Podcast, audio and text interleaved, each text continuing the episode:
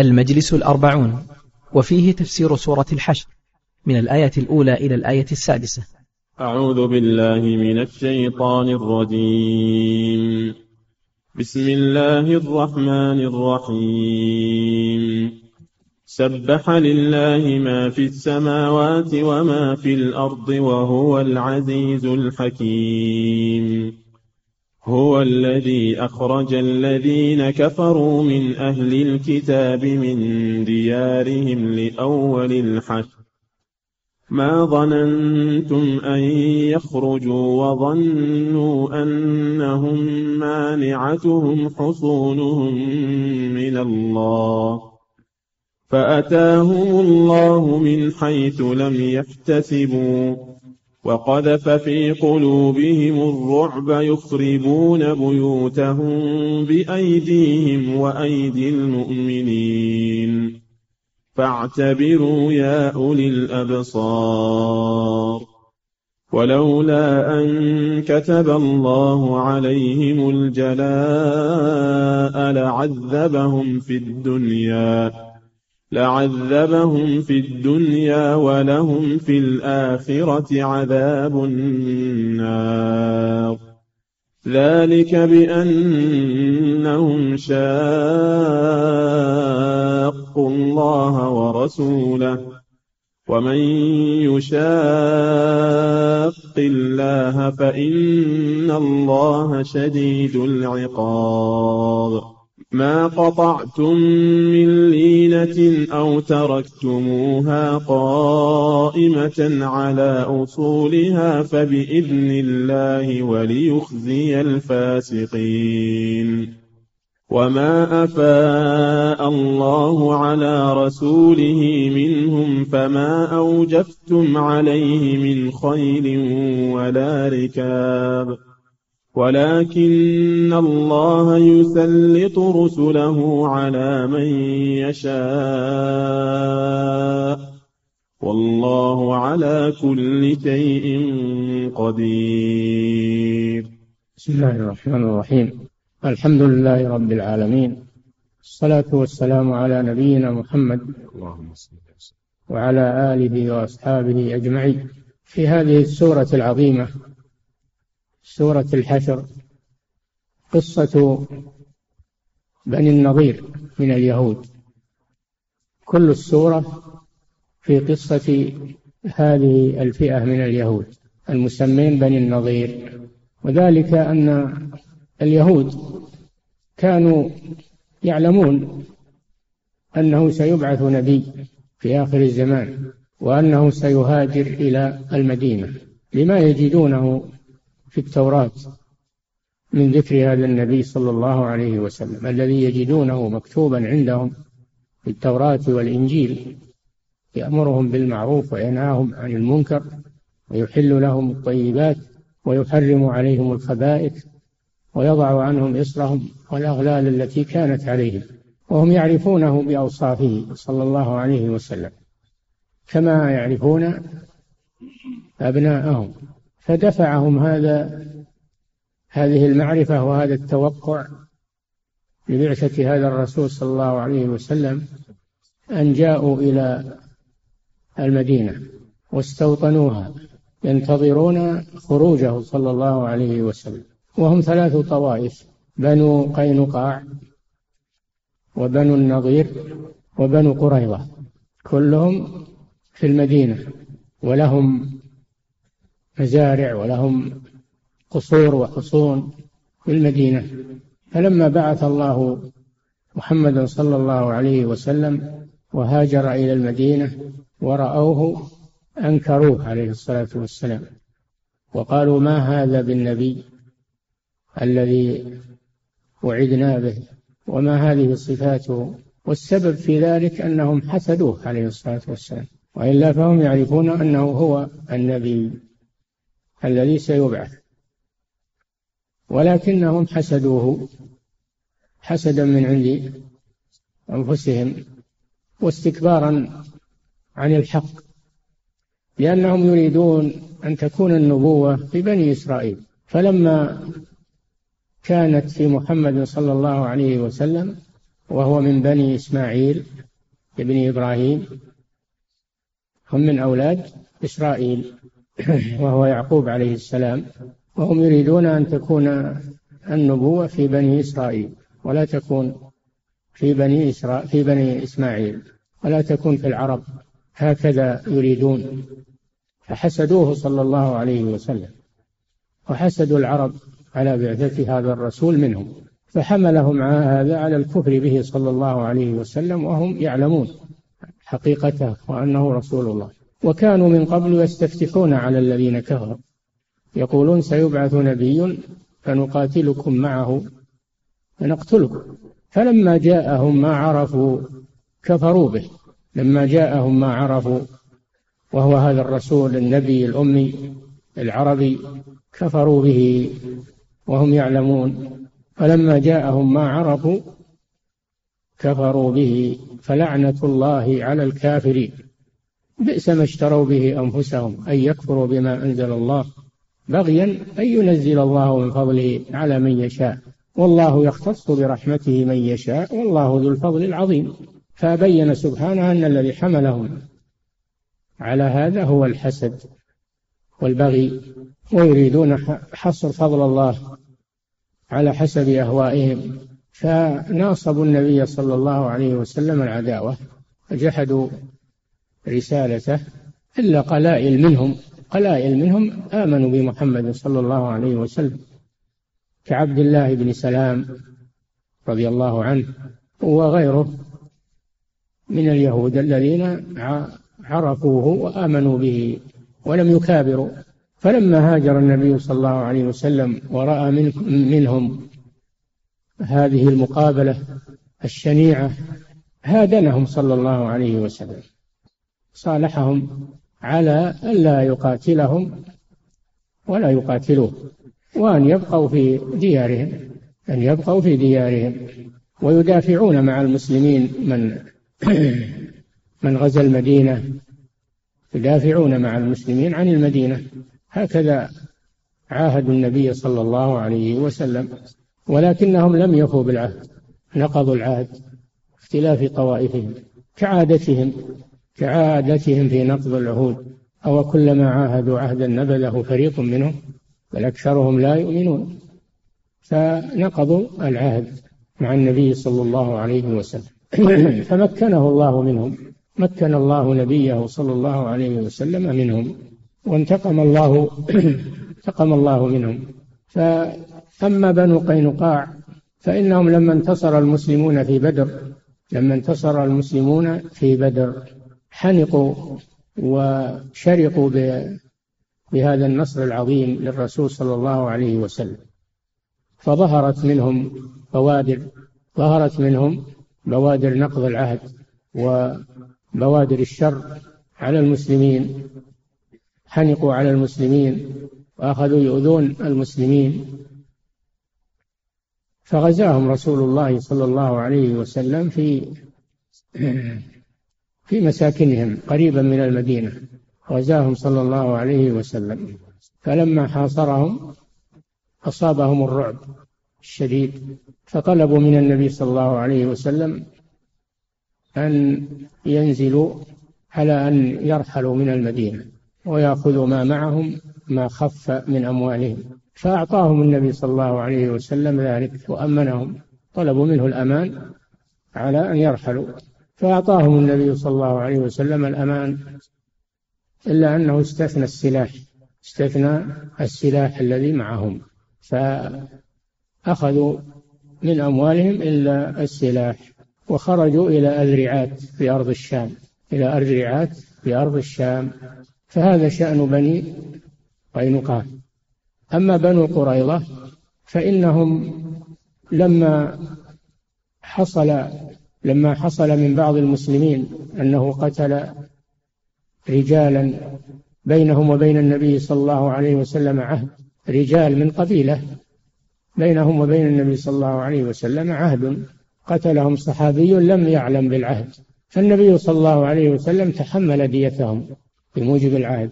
تحمل ديتهم خرج صلى الله عليه وسلم إلى بني النضير يطلب منهم الإعانة على الدية. بموجب العهد الذي بينهم. فقالوا له انتظر هنا تحت جدار نأتيك بالذي تريد. فجلس النبي صلى الله عليه وسلم في المكان الذي قالوا له يجلس فيه هو وأصحابه. ثم ذهبوا وتآمروا على قتله صلى الله عليه وسلم. فدبروا رجلا منهم أن يأخذ حجرا كبيرا فيصعد ويسقط الحجر على رأس الرسول صلى الله عليه وسلم من وراء الجدار فأوحى الله إلى نبيه صلى الله عليه وسلم بمكيدتهم وما يدبرون وأمره أن يغادر المكان. فقام صلى الله عليه وسلم ورجع إلى المدينة. ولما رأى أصحابه أنه رجع رجعوا إلى المدينة.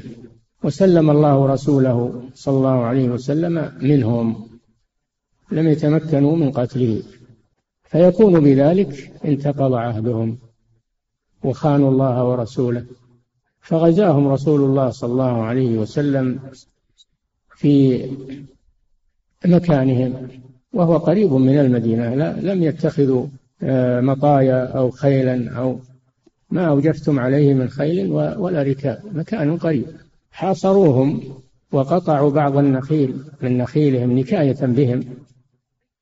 ثم ألقى الله الرعب في قلوبهم فطلبوا من النبي صلى الله عليه وسلم أن يؤمنهم على دمائهم وأموالهم ونسائهم وأن يرحلوا من المدينة. فالنبي صلى الله عليه وسلم أعطاهم الأمان على أن يتركوا السلاح ويأخذوا معهم ما يستطيعون حمله من أموالهم. فخرجوا وحملوا معهم ما حملوا حتى إنهم كانوا ينقضون بيوتهم لئلا ينتفع بها المسلمون ينقضونها ويأخذون أخشابها ويحملونها معهم وينقضون الأبواب يحملونها معهم. بعضهم ذهب إلى خيبر إلى اليهود الذين في خيبر وبعضهم ذهب إلى أذرعات في أرض الشام. وكفى الله المسلمين شرهم وأنزل فيهم في قصتهم هذه السورة سورة الحشر. وأما بنو قريظة فسيأتي ذكرهم وذكر الله قصتهم في سورة الأحزاب لأنهم تآمروا مع الأحزاب الذين غزوا رسول الله صلى الله عليه وسلم تآمروا معهم ونقضوا العهد. فحاصرهم النبي صلى الله عليه وسلم إلى أن نزلوا على حكم سعد بن معاذ رضي الله عنه فحكم فيهم بأن تقتل مقاتلتهم وتسفى ذراريهم ونساءهم وأموالهم. فأهلكهم الله على يد رسوله صلى الله عليه وسلم وأصحابه لخيانتهم للعهد وكفرهم برسول الله صلى الله عليه وسلم وهم يعلمون أنه رسول الله. فهذه نهاية اليهود في المدينة. قصة بني قريظة ذكرها الله في سورة الأحزاب. مفصلة. قوله سبحانه وتعالى بسم الله الرحمن الرحيم سبح لله أي نزه الله سبحانه وتعالى. التسبيح هو التنزيه. سبح لله أي نزه الله جل وعلا عن العيوب والنقائص. ما في السماوات وما في الأرض من المخلوقات. بل السماوات والأرض سبحت لله سبحانه كما قال تعالى تسبح له السماوات السبع والأرض ومن فيهن وإن من شيء إلا يسبح بحمده. ولكن لا تفقهون تسبيحهم يعني لا تفهمون تسبيحهم إنه كان حليما غفورا. كل المخلوقات تسبح الله وتنزهه. عما لا يليق به. وأعظم ذلك الشرك. تنزه الله عن الشريك وعن الولد وعن الشبيه والنظير. كل المخلوقات. تسبح الله جل وعلا. سبح لله ما في السماوات وما في الأرض. وهو العزيز الذي لا يغالب. العزيز يعني القوي. من العزة وهي القوة. الذي لا يغالب سبحانه وتعالى الحكيم الذي يضع الأمور في مواضعها اللائقة بها. وهو العزيز الحكيم. هو الذي أخرج الذين كفروا من أهل الكتاب يعني من اليهود كفروا بالرسول صلى الله عليه وسلم.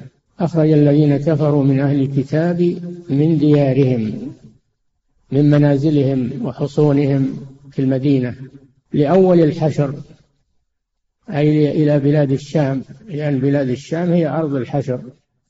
يجمع الناس فيها يجمع الناس فيها عند قيام الساعة. يحشرون في أرض الشام لأول الحشر لأنهم ذهبوا إلى أرض الشام. ما ظننتم أن يخرجوا ما ظن المسلمون أن اليهود يخرجون من ديارهم. لأنهم متمكنون وأغنياء وأقوياء. فما كان المسلمون يتصورون أن اليهود يجلون من المدينة. ما ظننتم؟ أن يخرجوا.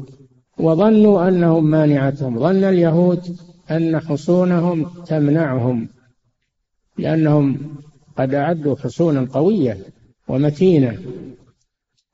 وظنوا أنهم مانعتهم حصونهم من الله.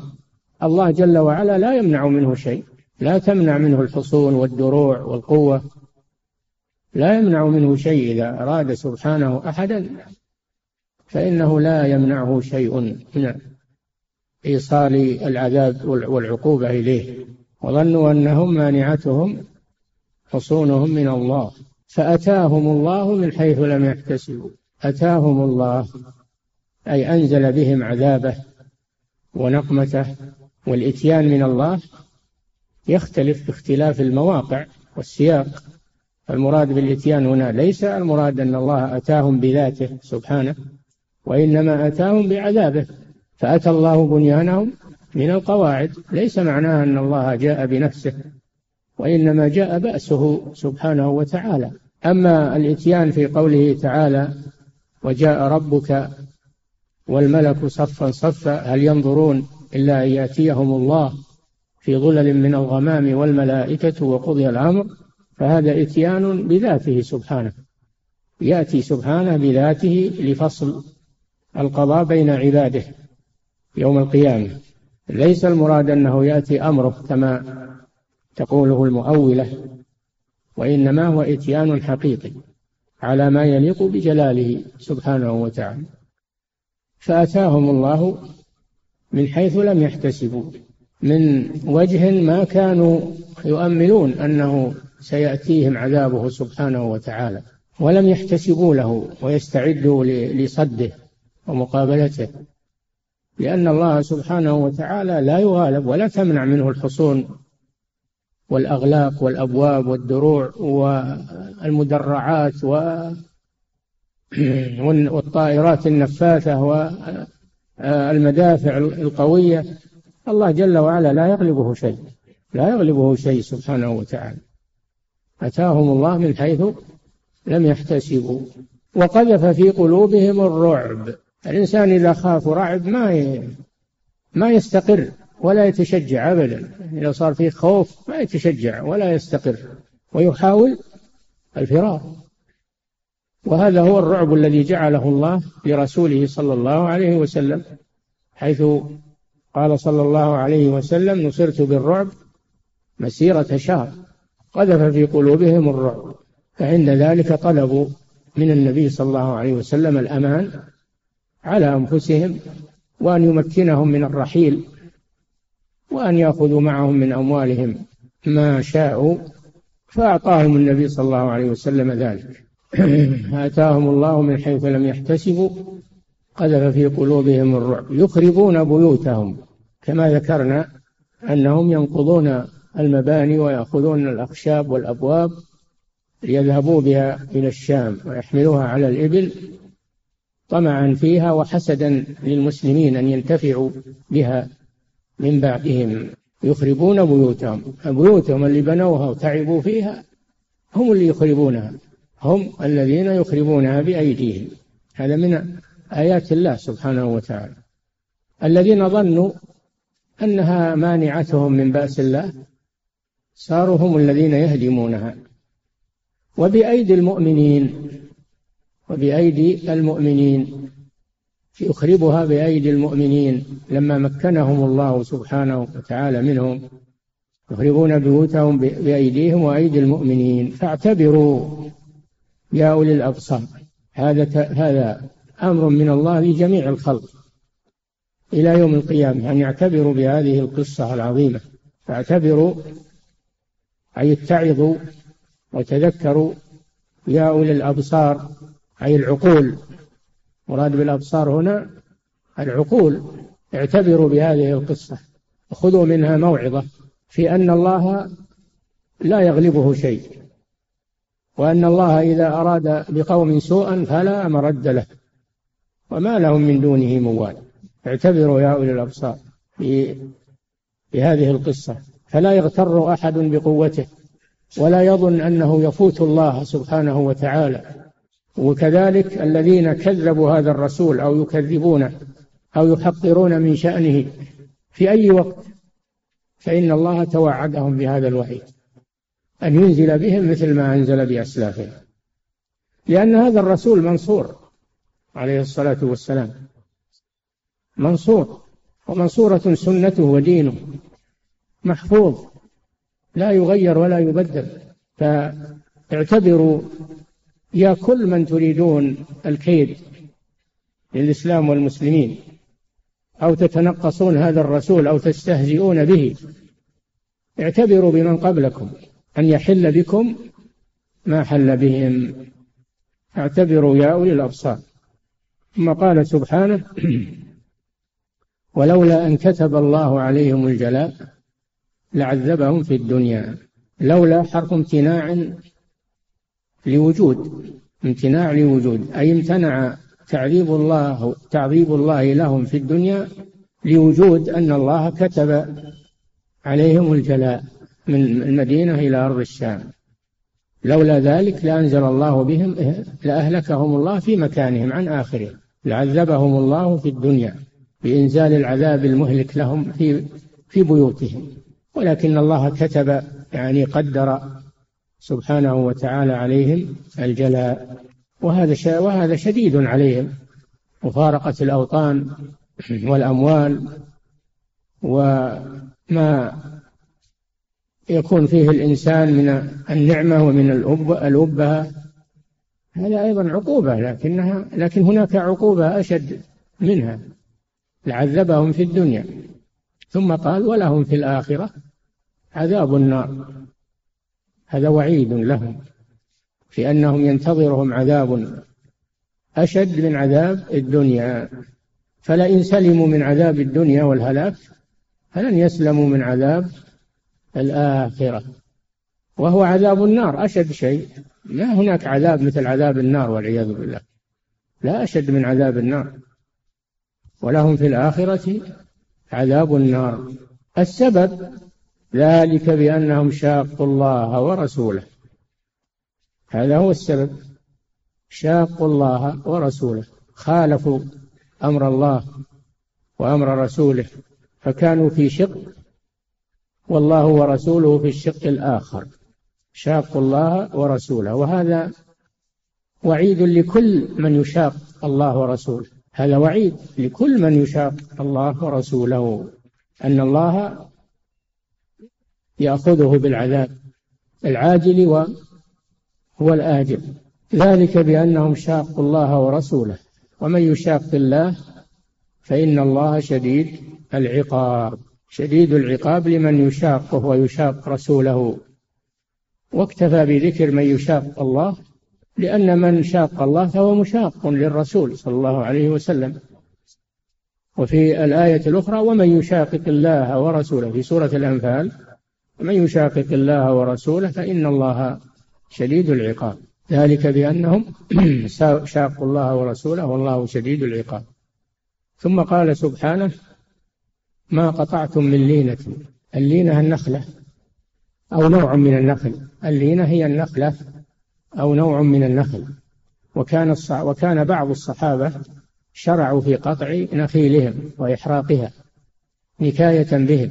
فتوقف بعض المسلمين من قطع النخيل توقفوا عن قطع النخيل. فالله جل وعلا الله جل وعلا قال ما قطعتم من لينة أو تركتموها. قائمة على أصولها فبإذن الله أي بشرعه سبحانه وتعالى. فالذين قطعوا النخيل ما اعتدوا في ذلك. ما دام أنه نكاية بالعدو فهم ما اعتدوا في ذلك. قد أذن الله بذلك إلا بإذن الله. ما قطعتم من لينة أو تركتموها قائمة على أصولها فبإذن الله. ليس من تصرفا من عندكم. فقد أقرهم الله على ذلك. أقرهم على قطع النخيل وعلى تركها.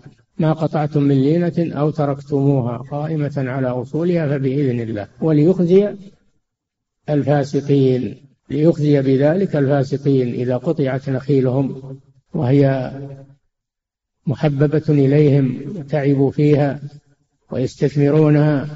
فإذا قطعت وهم ينظرون كان ذلك عذابا وخزيا عليهم. والفاسقون هم الخارجون عن طاعة الله سبحانه وتعالى. والفسق فسقان فسق يخرج من الملة وهو فسق الكفر. كان من الجن ففسق عن أمر ربه أي إبليس لعنه الله. هذا كفر. والنوع الثاني فسق دون ذلك فسق دون الكفر. كالذي الذين يرتكبون الكبائر من الذنوب دون الشرك. هؤلاء فسقة. لكنه فسق لا يخرج من الدين. والمراد بقوله وليخرج الفاسقين الأول الفسق الكفري يخرج من الملة لأن الله قال في مطلع السورة هو الذي أخرج الذين كفروا من أهل الكتاب ففسقهم فسق كفر والعياذ بالله. ثم قال جل وعلا ما أفاء الله على رسوله منهم. الفيء هو في اللغة الشيء الذي يرجع ومنه الفيء فيء الظل الشمس سمى الفيء إذا برز جهة المشرق عند الزوال سمى الفيء الرجوع لأن الظل رجع إلى المشرق بدأ بعد أن كان في المغرب.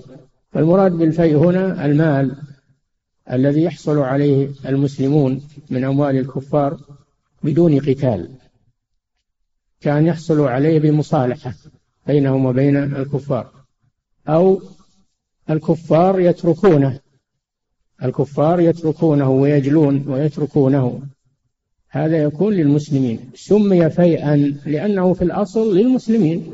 هو في الأصل للمسلمين. الله خلق الدنيا وما فيها للمسلمين. والكفار تبع لهم. قل من حرم زينة الله التي أخرج لعباده طيبات من الرزق؟ قل هي للذين آمنوا في الحياة الدنيا خالصة يوم القيامة. فالله خلق هذه المنافع خلقها للمؤمنين وإنما الكفار تبع للمؤمنين. وفي يوم القيامة تكون خالصة للمؤمنين والكفار ليس لهم منها شيء تكون لهم النار والعياذ بالله. ما أفاء الله على رسوله. فلذلك سمي مال الكفار الذي يستولي عليه المسلمون بالقتال أو بسبب القتال يسمى بالفيء لأنه رجع إلى أصله رجع إلى المسلمين. ما أفاء الله على رسوله محمد صلى الله عليه وسلم منهم أي من بني النظير فما أوجفتم عليه من خيل ولا ركاب. لم تحتاجوا إلى الخيل والإبل في غزوهم. لأنهم كانوا قريبين من المدينة ذهبوا إليهم بأقدامهم. فما أوجفتم عليه من خيل ولا ركاب. فأنتم ما حصلتم عليه بسبب الجهاد وإنما هم تركوه فزعا خوفا أو بموجب المصالحة بينهم وبين الرسول صلى الله عليه وسلم. ما أوجفتم عليه من خير ولا ركاب ولكن الله يسلط رسله على من يشاء يعطي السلطة لرسله على الكفار فهذا من تسليط رسول الله صلى الله عليه وسلم على هؤلاء اليهود. ولكن الله يسلط رسله على من يشاء. والله على كل شيء قدير. فكان كانت أموالهم خاصة لرسول الله صلى الله عليه وسلم. كانت لرسول الله ولمصالح المسلمين. الرسول صلى الله عليه وسلم ينفق منها على نفسه وينفق على مصالح المسلمين ولم يقسمها ولم يقسمها بين الصحابة. إنما الذي يقسم بين الصحابة هو ما ذكره الله بعد هذه الآية ما أفاء الله على رسوله من أهل القرى. فهذه القصة قصة عظيمة وكل السورة في هذه القصة إلى آخرها. فنكتفي بهذا القدر والحمد لله رب العالمين صلى الله وسلم على نبينا محمد على آله وأصحابه أجمعين. الله إليكم سماحة الوالد. يقول السائل ما هو الضابط الذي نفرق به بين أسماء الله سبحانه وبين ما ورد في الإخبار عنه سبحانه؟ أسماء الله ما تسمى الله به سمى به نفسه. أما الإخبار عنه فهذا أوسع من باب الأسماء أوسع من باب الأسماء فأتى الله بنيانه. جاء وجاء ربك ما تأخذ منه اسم جائي أو آتي ما تأخذ منه. الفعل هذا ما يؤخذ منه اسم لأنه من باب الإخبار. من باب الإخبار. من أتاني يمشي أتيته هرولة ما تأخذ منه اسم لله تقول الله مهرول. لا هذا من باب الإخبار فقط لا من باب التسمية.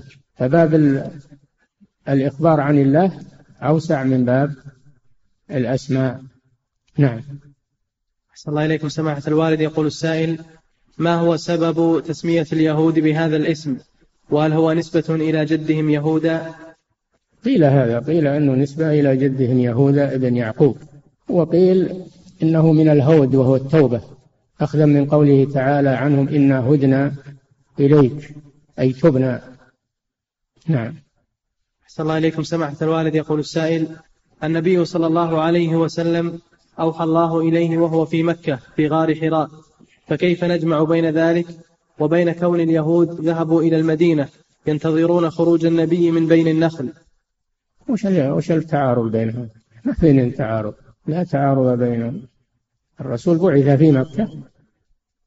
ولما ضايقه المشركون هاجر إلى المدينة. واليهود يجدون في الكتاب أن مهاجره يثرب. يعني المدينة فجاءوا ينتظرون. نعم. صلى الله عليكم. سماحة الوالد يقول السائل اليهود الذين كانوا في المدينة من أين أتوا وكيف كانت أصولهم قبل أن يكونوا في المدينة؟ في جزيرة العرب. اليهود في جزيرة العرب منتشرون. وفي مصر في العراق منتشرون في الجزيرة. نعم. يهود العرب. نعم. أحسن الله إليكم. سماحة الوالد يقول السائل هل يفهم من فعل النبي صلى الله عليه وسلم عندما غزا بني قينقاع أنه لا يلزم نبذ العهد إلى من خيف منه خيانة أو ظهر يقول أحسن الله إليكم هل يفهم من فعل النبي صلى الله عليه وسلم عندما غزا بني قينقاع أنه لا يلزم نبذ العهد إلى من خيف منه خيانة أو ظهر منه بوادر الشر؟ هذا ما هو مجرد خوف الخيانة خانوا أوحى الله إلى نبيه أنهم يريدون قتله.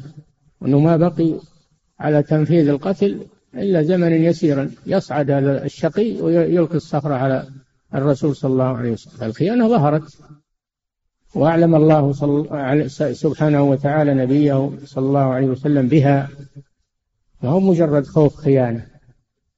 نعم. أحسن الله إليكم سماحة الوالد. يقول السائل هل أمر الله تعالى في القرآن بمصافاة اليهود ومصادقتهم؟ أمر الله المسلمين إذا احتاجوا إلى الصلح بأن يكونوا أضعف من الكفار يخافون من بأس الكفار أن يصالحوهم. كما صالح النبي صلى الله عليه وسلم المشركين في الحديبية كما صالح اليهود في المدينة. فإذا احتاج المسلمون إلى الصلح مع الكفار فإنهم يصالحونهم. قال الله سبحانه وإن جنحوا للسلم فاجنح لها. الصلح. إذا جنح العدو للسلم وطلب الصلح يصالح. أو أن المسلمين فيهم ضعف مع الكفار فيصالحونهم حتى يقوى المسلمون على قتال الكفار. ولا تهنوا وتدعوا إلى السلم وأنتم الأعلون. أنتم الأعلون. إذا كنتم يعني في أهل قوة وأهل استعداد فلا تميلوا إلى الصلح. إلا إذا طلب الكفار ذلك. نعم. أحسن الله إليكم. سماحة الوالد يقول السائل ما هي أسباب صرف الله تعالى للعبد عن فهم القرآن الكريم؟ أسبابه كثيرة. أولها عدم الاهتمام. إذا كان الإنسان لا يهتم بمعاني القرآن ولا يتدبر القرآن فإنه يصرف عنه. ثانيا الذنوب والمعاصي.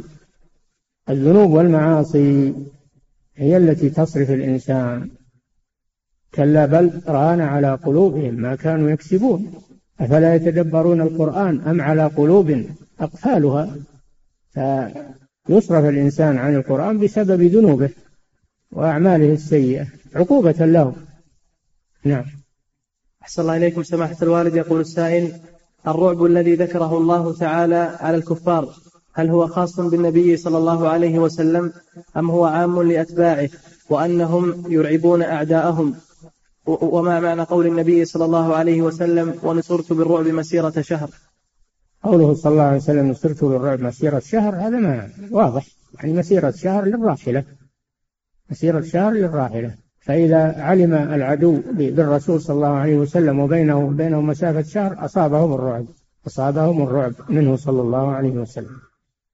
وهذا الرعب يبقى لمن تمسك بسنة الرسول صلى الله عليه وسلم من المسلمين. فإذا المسلمون تمسكوا بالإسلام وبسيرة الرسول صلى الله عليه وسلم جعل الله في قلوبهم الرعب للكفار. جعل الله أعطاهم الله القوة والرعب للكفار يرعبونهم. نعم. أحسن الله إليكم سماحة الوالد. يقول السائل في قوله تعالى ما ظننتم أن يخرجوا. هل في ذلك دلالة على ضعف المسلمين وعلى قوة اليهود؟ فيفهم من ذلك أنه في حال ضعف المسلمين وقوة الكافرين لا يسقط جهاد الدفع بأي حال من الأحوال قياسا بحال النبي صلى الله عليه وسلم مع اليهود. هذا فهم بعيد. هذا فهم بعيد. ما ظننتم أن يخرجوا بسبب حصونهم و... وعدم الوصول إليهم من وراء الحصون. استبعاد من المسلمين أنهم يظهرون بهم وهم متحصنون في الحصون. ما هو بأن المسلمين ضعاف؟ لكن لأن السبب الذي مع اليهود قوي وأن السلاح والمجاهدون لا ينفذون إليهم داخل الحصون. نعم. أحسن الله إليكم سماحة الوالد. يقول السائل هل هناك فرق بين الخوف والرعب؟ لا لا فرق بينهما. نعم. أحسن الله إليكم سماحة الوالد. يقول السائل ما رأيكم باختصار الكتب المطولة؟ من التفاسير وكتب الفقه والعقائد وما الضابط لمن أراد فعل ذلك. الذي عنده مقدرة علمية على الاختصار والاختصار له فائدة وتقريب. فطيب يختصر. لكن يكون مع العلم والمعرفة لأن بعض المختصرين يحذف أشياء مهمة لأنه لا يدري. فلا بد يكون المختصر عنده بصيرة. وإلمام بالكتاب من أوله إلى آخره يأخذ منه ما يحسن أخذه وأما الجاهل فقد يحذف أشياء مهمة من الكتاب ويأتي بأشياء غير مهمة كما يحصل من بعض المتعالمين. نعم. فلا يقدر على هذا إلا العلماء. نعم. أحسن الله إليكم سماحة الوالد يقول السائل ما حكم ترتيل الاستعاذة؟ نعم. يقول أحسن الله إليكم ما حكم ترتيل الاستعاذة؟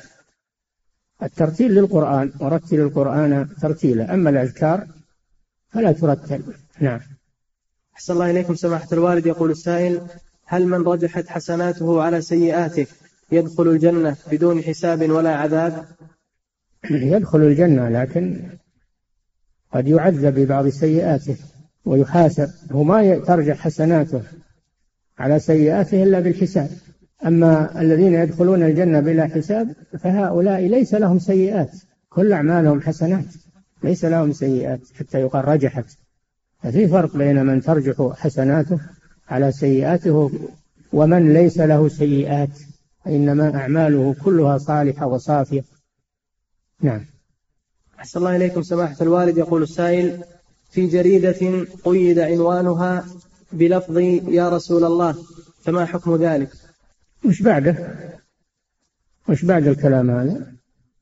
لا تقطع الكلام ونجيب سياق الكلام حتى نعرف وش المقصود. نعم.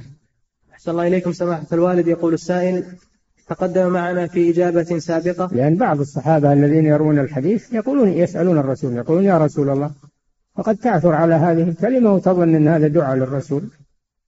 لازم يجاب الكلام كله. نعم. أحسن الله إليكم سماحة الوالد. يقول السائل تقدم معنا في إجابة سابقة في الدرس السابق أنه لا بأس من قراءة تفسير الزمخشري لطالب العلم المتمكن وعلى هذا القول أخذ بعض طلاب العلم أنه لا بأس من قراءة أي كتب فيها أخطاء مثل تفسير سيد قطب حتى نأخذ منه المفيد ونترك الأخطاء التي ذكرها. فهل هذا صحيح؟ لا ما هو صحيح هذا. هذا بالكتب التي فيها فائدة.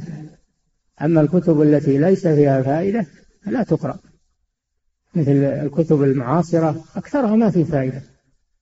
وليس فيها علم إنما هي أساليب وكلام طويل وليس تحته فائدة ولا أحكام شرعية وإنما هو أسلوب أدبي. فلا فرق بين الكتب العلمية القديمة والكتب المعاصرة. نعم. لا يؤخذ هذا من هذا. نعم. أحسن الله إليكم. سماحة الوالد يقول السائل ما حكم رفع الصوت بقراءة القرآن في المسجد؟ إذا كان لا يؤذي أحدا طيب. رفع الصوت بالقرآن طيب. إذا كان لا يتأذى به أحد من مصل أو تال أو نائم. نعم. هذا من ذكر الله سبحانه وتعالى. وذكر الله في المساجد طيب. ويذكر فيها اسمه. نعم. أحسن الله إليكم. سماحة الوالد يقول السائل أنا رجل إفريقي وعندما أسافر إلى إحدى القرى في إفريقيا أجد أن هناك إماما لا يجيد قراءة الفاتحة أجد إيش؟ يقول أحسن الله إليكم وعندما أذهب إلى إحدى القرى أجد إماما لا يجيد قراءة الفاتحة بل يغير الكلمة وعندما أريد أن أناصحه لا يستمع إلي بحكم أنه أكبر مني وأنه مكث في المسجد عدة سنوات وبحجة أنه تعود على قراءة الفاتحة وإذا تركته وصليت في البيت قال الناس عني في الحي إني متخلف عن الصلاة. والسؤال ماذا أفعل في هذه الحالة؟ علما بأني مقيم في هذه البلاد وإذا ذهبت هناك يقولون جاء بشيء جديد. عليك بمحاولة إقناع هذا الشخص وتعليمه الفاتحة مهما استطعت. فإذا لم تستطع وهو يلحن لحنا يحيل المعنى يغير المعنى فلا تصلي خلفه. أما إذا كان لحنه لا يحيل المعنى فتصح الصلاة خلفه. أما إذا كان يحيل المعنى فلا تصح الصلاة خلفه في الفاتحة. فاعتزله وصل وحدك ولو قال الناس ما قالوا لأن هذا يترتب عليه صحة الصلاة أو بطلان الصلاة. نعم. أحسن الله إليكم سماحة الوالد. يقول السائل في قول النبي صلى الله عليه وسلم أخرجوا اليهود من جزيرة العرب. ما حدود هذه الجزيرة؟ جزيرة العرب. حدودها جزيرة العرب. وش تبون عاد أنتم بالحدود. جزيرة العرب وخلاص معروفة. نعم. أحسن الله إليكم سماحة الوالد. يقول السائل هل هناك فرق بين الفيء والغنيمة؟ ها؟ يقول أحسن الله إليكم هل هناك فرق بين الفيء والغنيمة؟ إيه في فرق. الفيء ما استولى عليه المسلمون من أموال الكفار بسبب الصلح. بسبب الصلح أو استولوا عليه بالعنوة. استولوا عليه بالعنوة بأن فتحوا بلاد الكفار وأخذوا أراضيهم ومزارعهم. هذا هو الفيء الذي يخير الإمام فيه بين أن يقسمه بين المجاهدين أو أن يوقفه في مصالح المسلمين كما فعل عمر بن الخطاب رضي الله عنه في أرض الشام ومصر والعراق. نعم. أحسن الله إليكم سماحة الوالد يقول السائل أما أما الغنائم فهي الأموال المنقولة. الأموال المنقولة التي يحصل عليها المسلمون من النقود والثياب والسلاح وغير ذلك. نعم. أحسن الله إليكم سماحة الوالد. يقول السائل هل الساتر من أسماء الله تعالى؟ الستار والستير الساتر لا. نعم. أحسن الله إليكم سماحة الوالد. يقول السائل من المتقرر عند أهل السنة والجماعة أن الحجر الأسود لا ينفع ولا يضر. فما معنى قول النبي صلى الله عليه وسلم في الحديث الذي رواه ابن ماجه؟ ليأتين هذا الحجر يوم القيامة وله عينان يبصر بهما ولسان ينطق به يشهد على من يستلمه بحق. مشعر الحجر مشعر من المشاعر التي يعبد الله عندها. كما أن الكعبة مشعر الكعبة ما تعبد ولا تنفع ولا تضر لكنها موطن للعبادة لعبادة الله سبحانه وتعالى. الحجر كذلك مسعر من مشاعر الله. الصفا والمروة من مشاعر الله. والمشاعر معناها أعلام العبادة. هذه معالم للعبادة وأمكنة للعبادة. وإلا هي ما تنفع ولا تضر. الله هو الضار النافع. لكننا نعبد الله عند هذه الأماكن التي شرع لنا عبادته عندها. وهي تشهد البقاع تشهد يوم القيامة. غير الحجر كل البقاع. تشهد يوم القيامة على ما عمل عليها من خير أو شر. يومئذ تحدث أخبارها لأن ربك أوحى لها. تشهد البقاع والأحجار والأشجار والجبال. تشهد على الناس يوم القيامة بأعمالهم. نعم.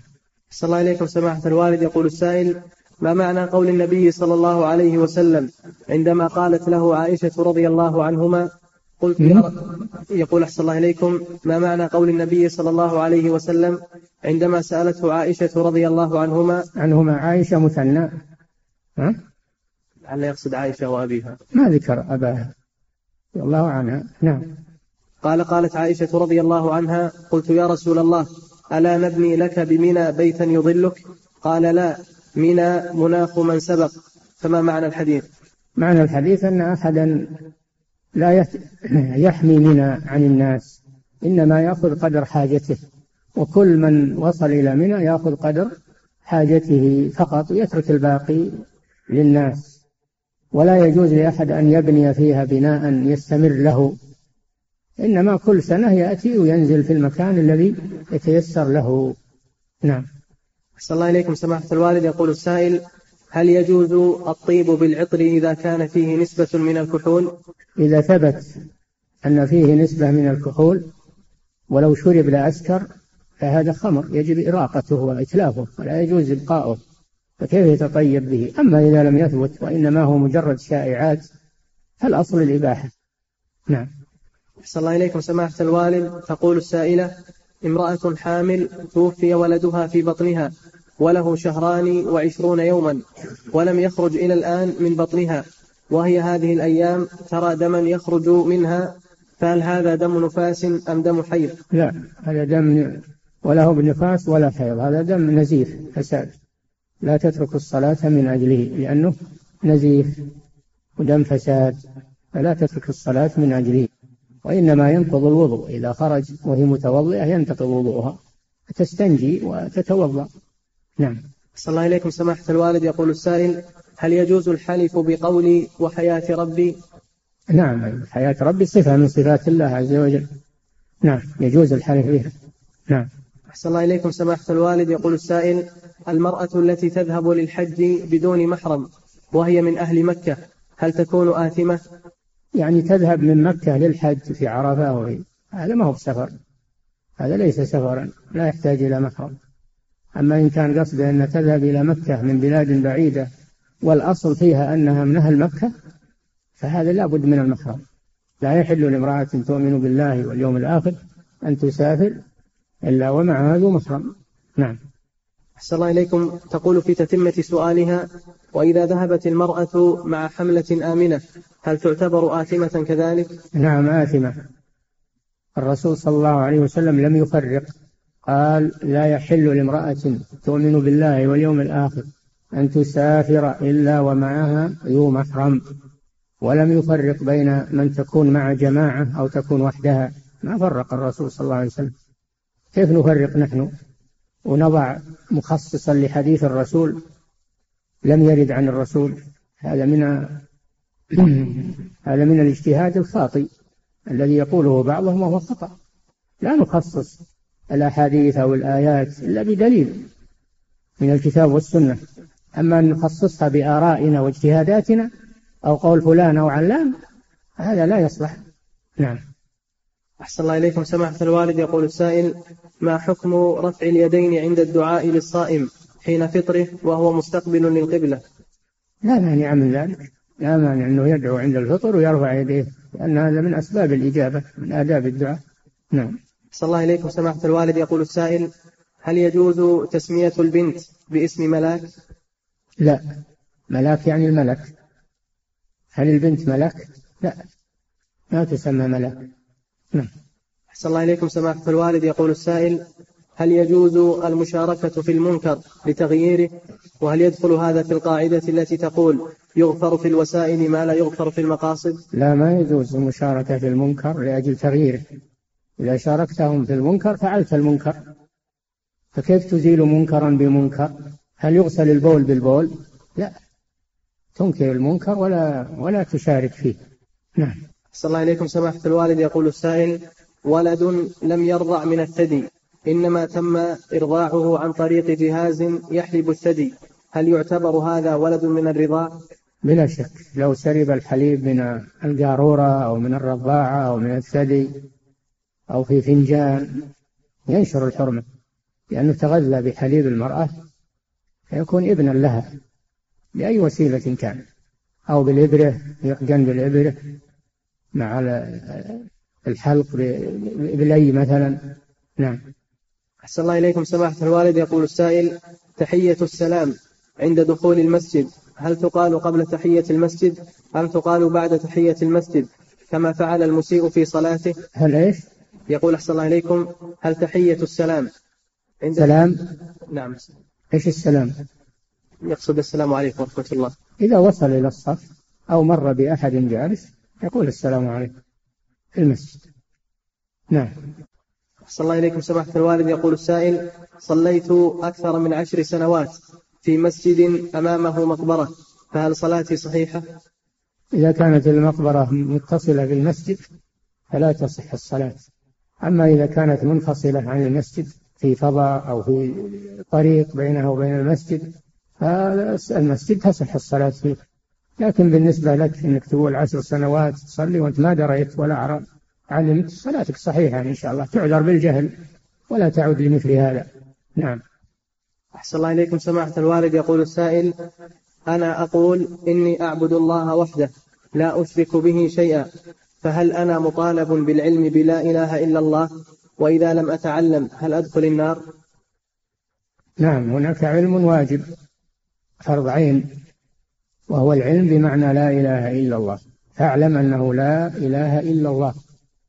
فلا بد من أن تعرف العقيدة الصحيحة وما يضادها ولو بصفة مختصرة ولا تبقى على جهلك. وأنت تقدر على التعلم. ما دام أنك تقدر على التعلم وعندك العلماء وعندك المدارس وعندك فليس لك عذر أنك تجهل معنى لا إله إلا الله. نعم. أحسن الله إليكم سماحة الوالد. يقول السائل بعض الأئمة والمأمومين يبدأون بالفاتحة بعد دعاء الاستفتاح مباشرة دون البسملة. فما رأيكم في ذلك؟ وهل صلاتهم صحيحة؟ علما أنهم أيضا لا يقول؟ عند السؤال. يقول أحسن الله إليكم بعض الأئمة والمأمومين يبدأون بالفاتحة بعد دعاء الاستفتاح مباشرة دون البسملة فما رأيكم في ذلك؟ وهل صلاتهم صحيحة؟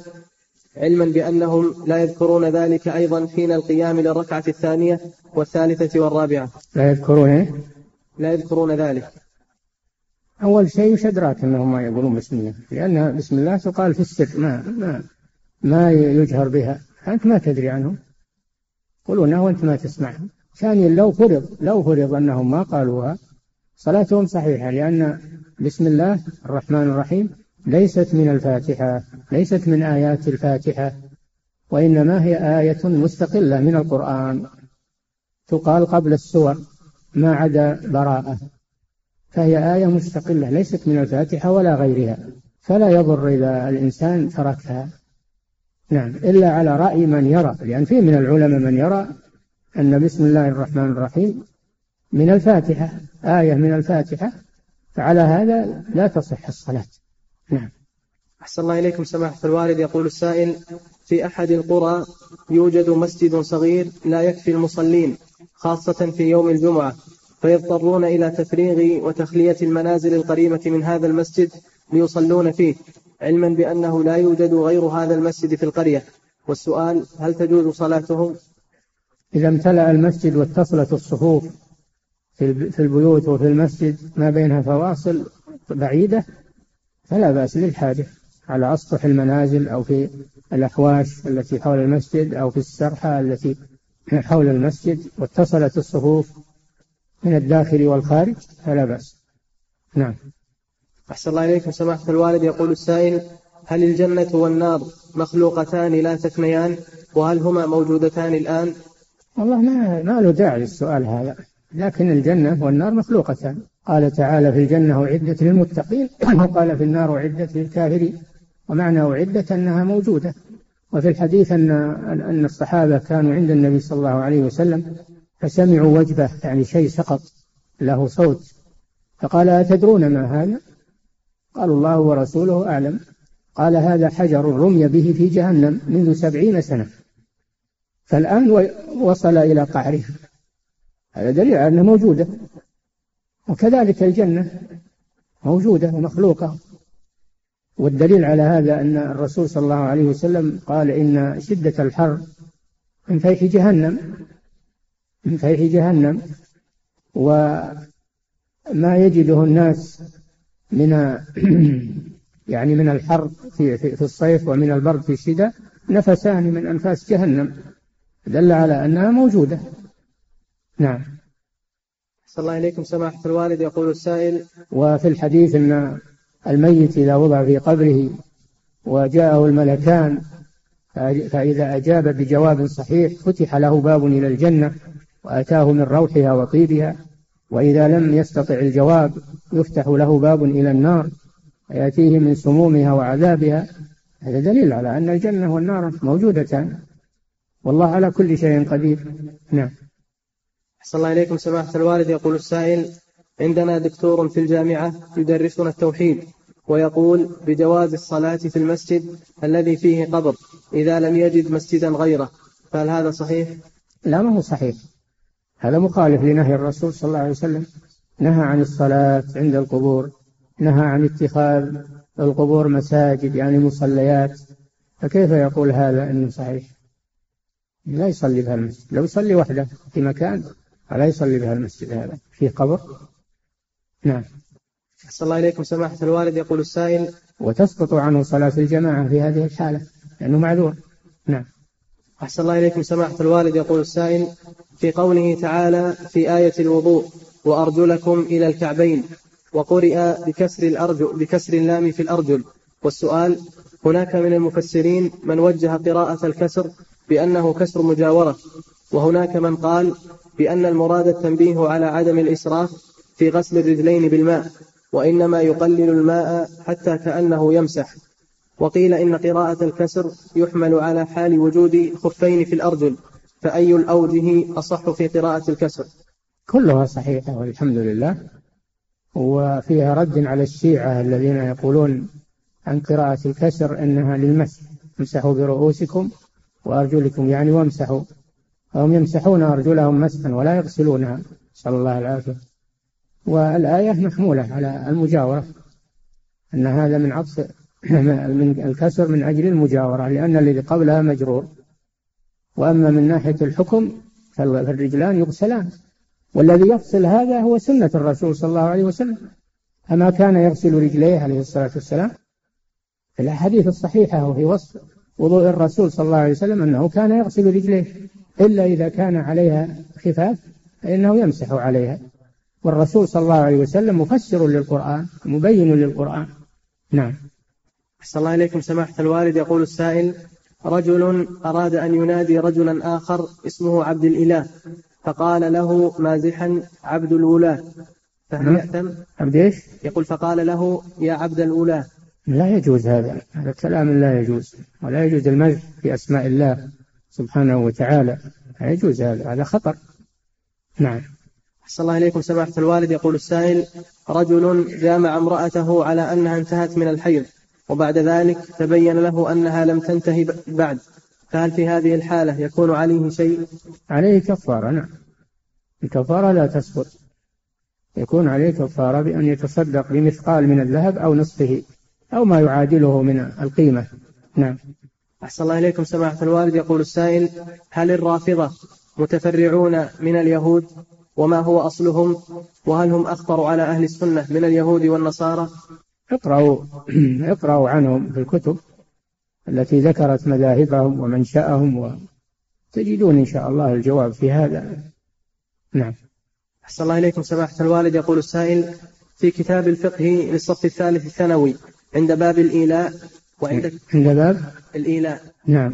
يقول أحسن الله إليكم عند كفارة الإيلاء قال المصنف ويلزم الزوج المولي كفارة يمين إذا وطئ زوجته سواء قبل انتهاء الأربعة أشهر أم بعدها لأن إيلاءه يمين فهل هذا القول صحيح؟ لا ما هو صحيح. إذا رجع قبل أربعة أشهر فليس عليه شيء. نعم. إذا رجع قبل أربعة أشهر نعم عليه كفارة عليه كفارة.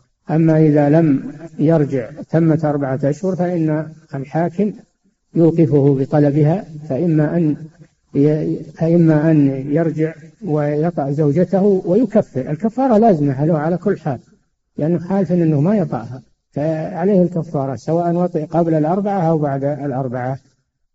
فيلزمه الحاكم إما بالفيئة والتكفير وإما بالطلاق. يرفع الحرج عنها. الكلام صحيح يعني الكفارة لازم قبل الأربعة وبعد الأربعة بالجماع لأنه فعل ما حلف على تركه. نعم. أحسن الله إليكم سماحة الوالد. يقول السائل هل يجوز الخروج من المسجد بعد الأذان؟ للحاجة. إذا كان يخرج للحاجة يتوضأ أو لحاجة خفيفة ويرجع فلا بأس بذلك. أما أنه يخرج ولا يرجع فهذا يكره له ذلك. نعم. انتهى. أحسن الله عليك